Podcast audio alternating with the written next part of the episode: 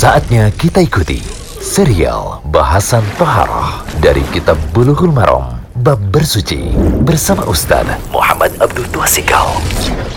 Alhamdulillah, salatu wassalamu ala rasulillah wa ala alihi wa sahbihi wasallam Kali ini kita masuk ke audio ke-56 Dari kitab Bulughul Maram, Toharah Tentang ada buang hajat. Kita lihat hadis ke-100 dan 101 Ini sesuatu yang tidak boleh dipakai untuk istinja. Artinya, kita kan biasanya menggunakan air Nah, ketika tidak ada air, kan biasa kalau cara-cara kuno itu ada yang pakai daun lah, ada yang pakai batu lah, seperti itu. Nah, di sini ada peringatan dari Nabi Shallallahu Alaihi Wasallam, ada yang tidak boleh, jadi tidak sembarangan kita pakai untuk istinja. Bahkan ada yang tidak bisa menyucikan.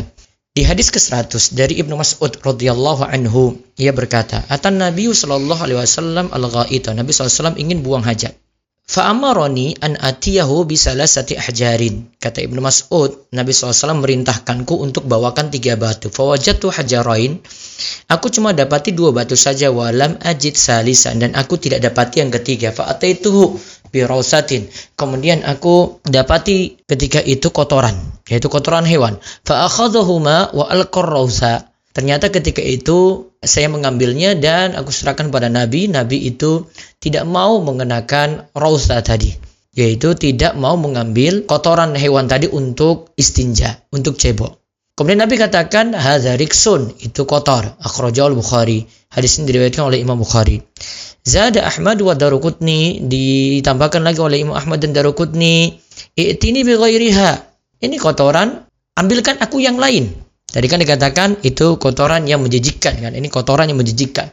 Kemudian dikatakan lagi dalam riwayat Darukutni, ambilkan aku yang lain. Nah, faedah dari hadis, hadis ini jadi dalil kalau beristinja tidak boleh kurang dari tiga batu. Ini jadi dalil, sekali lagi kalau istinja tidak boleh kurang dari tiga batu. Jadi lebih aman itu dengan menggunakan tiga batu atau lebih. Nah, kalau dalam hadis, kita lihat situ kan disuruh bawakan dua batu saja. Dan tidak ada kalimat situ Nabi SAW suruh cari yang ketiga. Maka sebagian pendapat ulama Hanafiyah dan Malikiyah itu mengatakan dua batu itu masih boleh. Namun yang tepat dalam riwayat yang lain ternyata Nabi Wasallam masih meminta batu yang ketiga. Dan di pembahasan sebelumnya sudah audio yang telah lewat kita sudah sebutkan kalau sebenarnya tidak mesti tiga batu tetapi bisa menggunakan tiga sisi gitu. Jadi intinya kita balik perintah Nabi SAW itu suruh tiga, maka kita amalkan juga dengan tiga. Kemudian di hadis 101, kita lihat di hadis 101 dari Abu Hurairah radhiyallahu anhu, Rasulullah sallallahu alaihi wasallam naha ayastanjiya bi azmin aw rawsin wa qala innahuma la yutahhiran.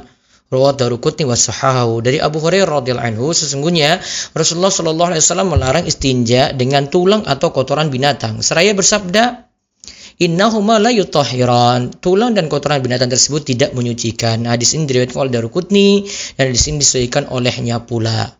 Dan Syekh Abdullah Fauzan katakan hadis ini tidaklah ada masalah.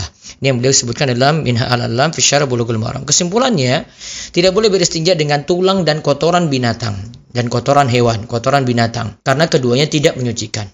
Kemudian kedua, kalau ada yang menggunakan istinja ini dengan batu dianggap menyucikan, tidak mesti dibarengkan dengan air. Karena kalau tulang dan kotoran saya tidak dikatakan tidak menyucikan, padahal kita kan dibolehkan menggunakan batu. Berarti batu itu sifatnya menyucikan walaupun tidak dibarengkan dengan air.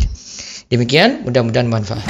Demikian serial bahasan Toharah dari Kitab Bulughul Maram Bab Bersuci bersama Ustaz Muhammad Abdul Tuasikal.